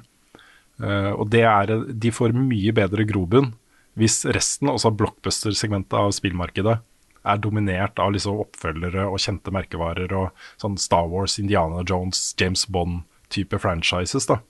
Så, så blir på en måte det, det, det som er annerledes, blir enda mer spennende for flere. Ja, det er sant. Samtidig så håper jeg vi får se litt eh, trippel A-nyskapning også. Ja. Um, men det jeg tror, da, uh, ta God of War som eksempel, så er det jo fullt mulig å innovere innenfor etablerte og trygge merkevarer. Det er sant. Og gjøre nye ting. Så, så det håper jeg de fortsetter å jobbe med. da At de um, ser på, ser på konseptene sine med nye øyne. Og tilbyr noe som er litt nytt og spennende, og henter kanskje noe inspirasjon fra dette spennende mellomsjiktet. Så ja. Jeg er, øhm, jeg er øh, ikke ne sterkt negativ til at disse spillene kommer på begge plattformer. Det er jeg ikke. Er en avventende, kanskje. Er det tid for en ny sosialt bevisst Duke Nukem? Jeg tror Duke Nukem, hans tid er forbi. Også. Jeg er litt redd for at han kanskje er en, en relic of the past. Ja, men det er, om ti år, ikke sant? Om ti år så kan man hente fram en sånn rollefigur igjen og eh, plassere han i en helt ny setting. Ja, med liksom- nye øyne og Litt sånn fish out of water-historie, liksom. Ikke sant? Det kunne vært litt morsomt. Ja, kanskje sånn på buddy cop. Hva er det du sa, Dick? Ta med sønnen sin på tur. Ja, ikke sant? Ikke sant? Eller kanskje, kanskje våre datter som lærer han å bli et bedre menneske. Ikke sant? Mm. I'm Her no vi- king until I respect women. Her har vi hele plottet til en av mine uh, absolutte favoritt, uh, favoritt uh, sånn actionfilmer. eh, The Last Boy Scout med Bruce eh, Willis. Som eh, eh, ja, Var det Bruce Willis? Var det Bruce Willis? Nå eh, blander jeg, tror jeg. Men i hvert fall The Last Boys Jo, vent, da. Det må vi google etterpå. Um, det er sånn herlig sånn fra tidlig 90-tall. eh, Sånn, det, det kommer så mange sånne actionfilmer, liksom. Mm. Som var så actionfokusert og Ja. Ja, men sånn, sånn jokes aside, det de har gjort med BJ Blazkowicz og Kratos Mm. Jeg lurer på om det hadde funka på Duke Nukem? Eller er han too far gone, liksom? Jeg vet ikke. Og så, eh, jeg har litt sansen for den der redemption-arken. da. At man har muligheten til å utvikle seg og bli et bedre menneske og, Ja. og sånt. Men samtidig så er jo Duke på et sted hvor han liksom kaster bæsj og sånn. Ja. så det er ganske mye der som, som, som ikke er uh, høykultur, for å si det på den måten. Ja, det er for så vidt sant. Kratos hadde jo de sidene lite grann i det originale God of War. Han hadde kanskje det. Mm. Bitte litt. Og da Ja, det ble, Ja, det ble Ja, mye, mye grums med Kratos.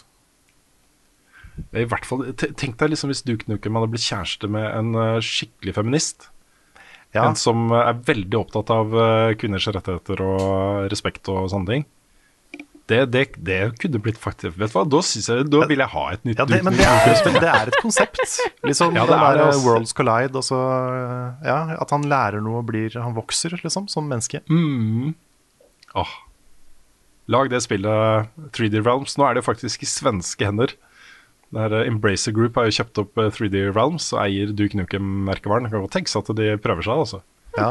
Ja, jeg, har, jeg har oppriktig lyst på liksom Woke Nukem. Woke Nukem! Woke Nukem. Åh, det hadde vært Åh, Tenk deg den, de, diskusjonene på nett, da. At At du da, tar blir, da blir folk sinna. og det hadde vært uh, Texas, altså. Bokstavelig talt, nesten. All right. Før dette ekskalerende enda Um, mer, skal vi ta et nytt spørsmål? Ja, det kan vi Vi tar et nytt spørsmål. Jeg har et uh, her, hvis ikke dere har et. Nei, jeg tar et, jeg. Uh, Dette kommer fra mellommannen slash Ole. Han skriver Hei sann, har noen i levelet prøvd Wildermyth? Fantastisk DND-spill på Steam.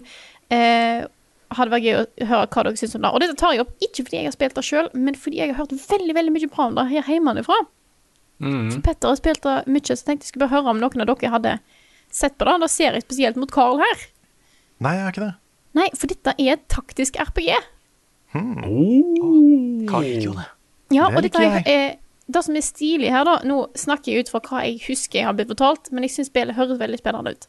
Eh, og det er, da, det er veldig karakterfokusert, og eh, For du har jo et, et, et, et team med folk, eh, og etter hvert som du spiller, så går tida in game, og du får mye sånn historier. Eh, jeg tror mye her er prosed- prosedyrisk generert i tillegg. Men du får historier mellom, eh, fra, eller fra karakterene og mellom karakterene og sånne ting. Etter hvert så spiller du så lenge at plutselig så er det karakterene dine må pensjonere seg og sånne ting. Og det er tydeligvis veldig mye fine historier som dukker opp her. Nå Så, sier du mange ord jeg liker, Frida. Det er da jeg innser. Ja, så det jeg er til og med nesten eh, solgt det til meg. Men jeg, jeg skulle ta det for at jeg innser at det er et spill jeg ikke har hørt så mye om ellers. Eh, Så kanskje dette kan være noe for noen å sjekke ut. Mm. Hva det kalte du det? Wilder Myth. Wilder Myth. Jeg har sett logoen. Ja. Jeg har ikke, ikke sett mer enn det, men det, da skal jeg sjekke det ut. Så er rett og slett en, en, en, en slags, slags anbefaling. Eh, som, eh, som jeg har hørt mye bra om, og som kanskje kan passe til en del, eh, selv om det ikke er helt min sjanger. Problemet nå, vet du, ikke sant? denne uka her så er det jo uh, Life is Strange, Mm. Artful Escape, Sonic um, Det var noe annet også som kom denne uka her som var dritsvært. Som ikke er Tales of Arise. Ja, også Tales. Ja. Også Tales. Neste uke så er det Deathloop, og så kommer jo Sable, og så er det jo business Season med Far Cry 6 og Mhm. Battlefield og Kina. Og, åh, det er ikke sant? Vi kommer Ja. til å halse videre fra spill til spill nå. Vi gjør det. Det er helt sant. Kan jeg ta et eh, spørsmål? Kjør på. Um, dette hadde jeg egentlig tenkt å snakke om for et par uker siden, så det er bra du tar det opp. Steamroller Man på Patron. Hva synes dere om refund-policyen på Steam sett i forhold til korte spill? Tenk på at utvikleren bak Summer of 58 trekker seg fra spillutvikling. Hvem sitt problem er dette? Steam som bør revidere policyen, utviklerne som bør lage lengre spill, spillerne som må betale for opplevelsene, uavhengig av hvor kort spillet er. Og um, eh, policyen er jo at uh, hvis du har spilt det mindre enn to timer på Steam, så kan du refunde spillet. Noen av spillene er jo to timer lange. eller tre, da, eller fire, eller i tilfelle Artful Escape som er seks-ish. Um, som så har jeg hørt. Uh, og det er, da blir det jo en veldig stor chunk av spillet du kan faktisk spille nå. Uh, og så bare kreve pengene tilbake. Er det mange som bruker et- Ja. Nei, fortsett. Er det mange som bruker det? Hvis du har spilt seg to timer, så hadde jeg aldri Det tror jeg faktisk. Det er det, ja. Da er det litt kjipt. Jeg er litt redd for det. Sånn som jeg snakka om forrige uke, at jeg hadde spilt Behind the Frame, og det er jo én time langt. Ja. Det er jo dritkjipt hvis uh, noen kjøper det, spiller det, liker det, men refunder det fordi de kan. Ah, det er stygt gjort. Det er jo et uh, system som er mulig å misbruke. Det, jeg syns da, og dette Jeg har ikke gått grundig gjennom uh, saken og tenkt på alle sider av den, men min umiddelbare respons på dette her er at det burde være en vekting. også Det burde være basert på, på spilletid. Det burde ikke være to timer blanko på alle spill. På korte spill så burde det være kanskje 20 da, Ja. maks liksom, av spilletiden. Eller Ja. at det er du måtte, At det er ulike kategorier, sant. Som, som spillutvikleren kan, kan sette liksom at spillet er så og så langt. Der, eh, la oss si at vi spiller under to timer, så det kan du kun spille en halv time. Eh, Før du kan før du, må, eh, før du ikke kan refunde lenger. Mens det er opp mot fem-ti, så er det kanskje én time, eller noe sånne ting, da. Kanskje da Ja. er det det som trengs. Så kan- det er sånn ca. 20 Frida. Ja, nei, da. Ja, men samtidig så har du jo liksom Hvis du kjøper Assassin's Creed Valhalla, da, så kan du spille i 20 timer. Ja, men si opp til to timer, da. Si opp til to timer. At du har eh, At den uh, vektinga stopper der, liksom. Ja, kanskje, kanskje hvis utviklerne kan på en måte sette sin egen uh, refund-tid innafor en viss prosentandel, da, f.eks. Det blir kanskje Ja, så komplisert, må- men uh, Det må jo kunne etterprøves og, og sånt, ellers så vil jo det også bli misbrukt. Ja. Yep. Nei, vi har, vi har en sånn der uh, Games Don't Quick eh, savant på teamet vårt som runda spillet vårt på tre timer. ja. Så er folk flest bruker 50, liksom. Mm. For han har liksom glitcha seg gjennom og ikke sant? Men det er ingen som har første playthrough sånn, da. Det er jo Nei, nei, nei. Men hvis utviklerne selv kan sette hvor lang tid det tar å fullføre spillet, liksom, så Ja, sånn, ja. Ja, det er sant. Mm. Det er sant. Du må ta dataen ut ifra How Long To Beat.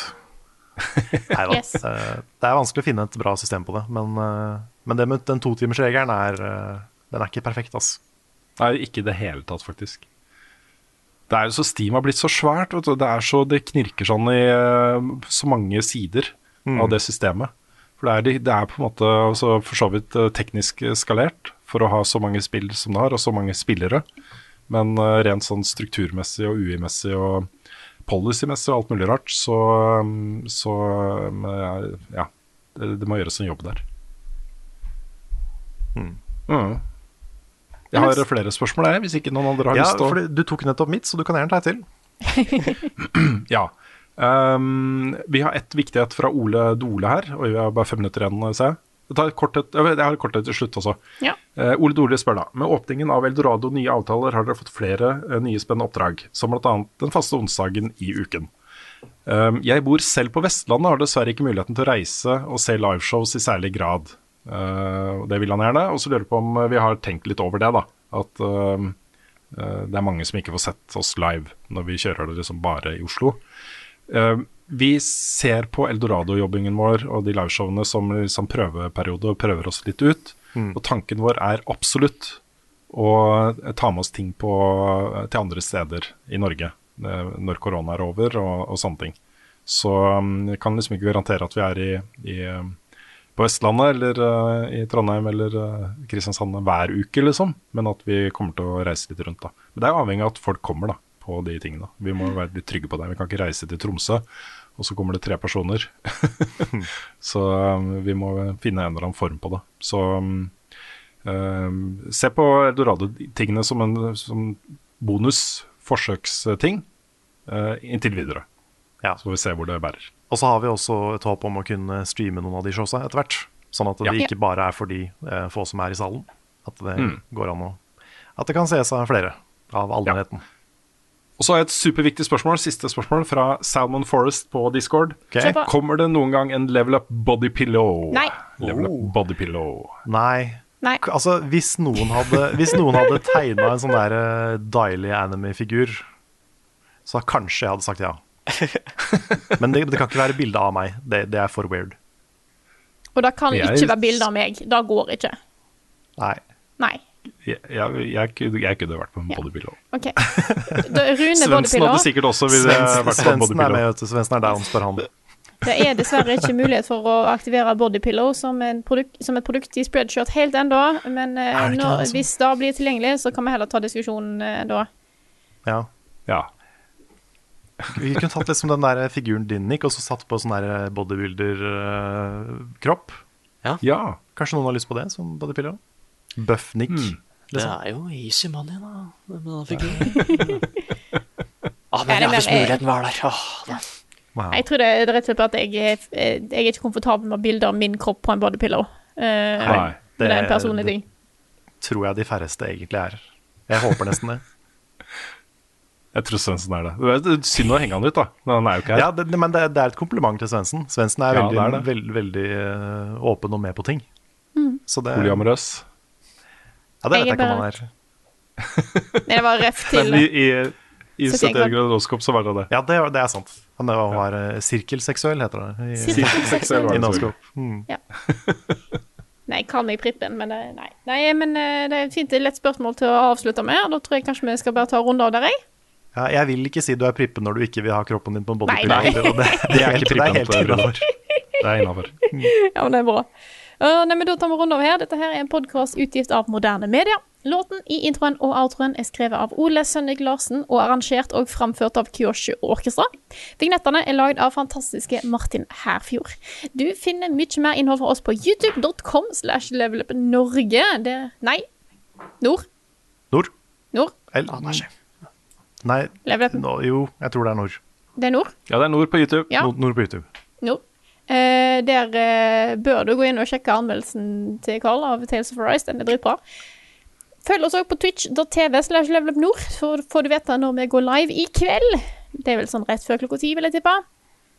Yes. Yes. Kan det være det blir streaming eh, senere i uka også? Ja, vi har allerede diskutert litt muligheter der, så det er bare å følge med. Det. Eh, Har det. hvis du følger oss der, så får du fulgt med ordentlig. Yes.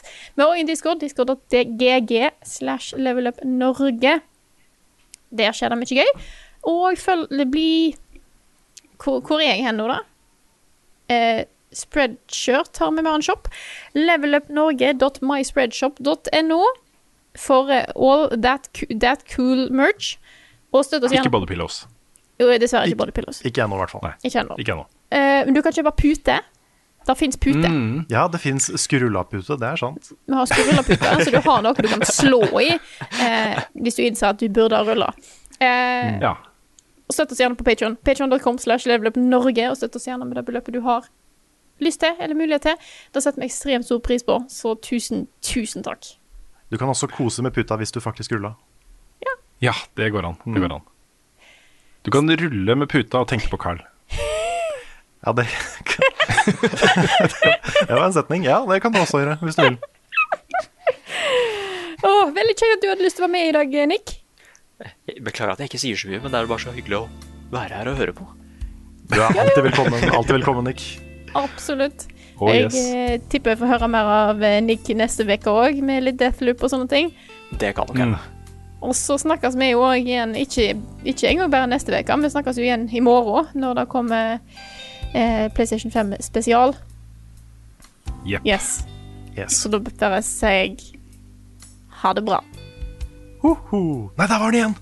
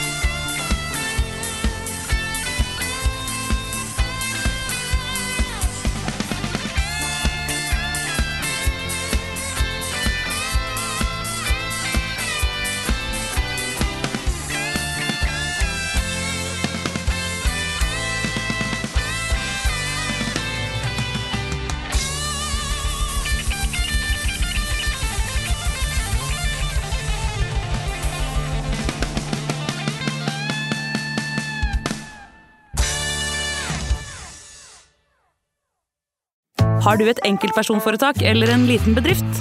Da er du sikkert lei av å høre meg snakke om hvor enkelt det er med kvitteringer og bilag i fiken, så vi eh, gir oss her, vi. Fordi vi liker enkelt. Fiken superenkelt regnskap.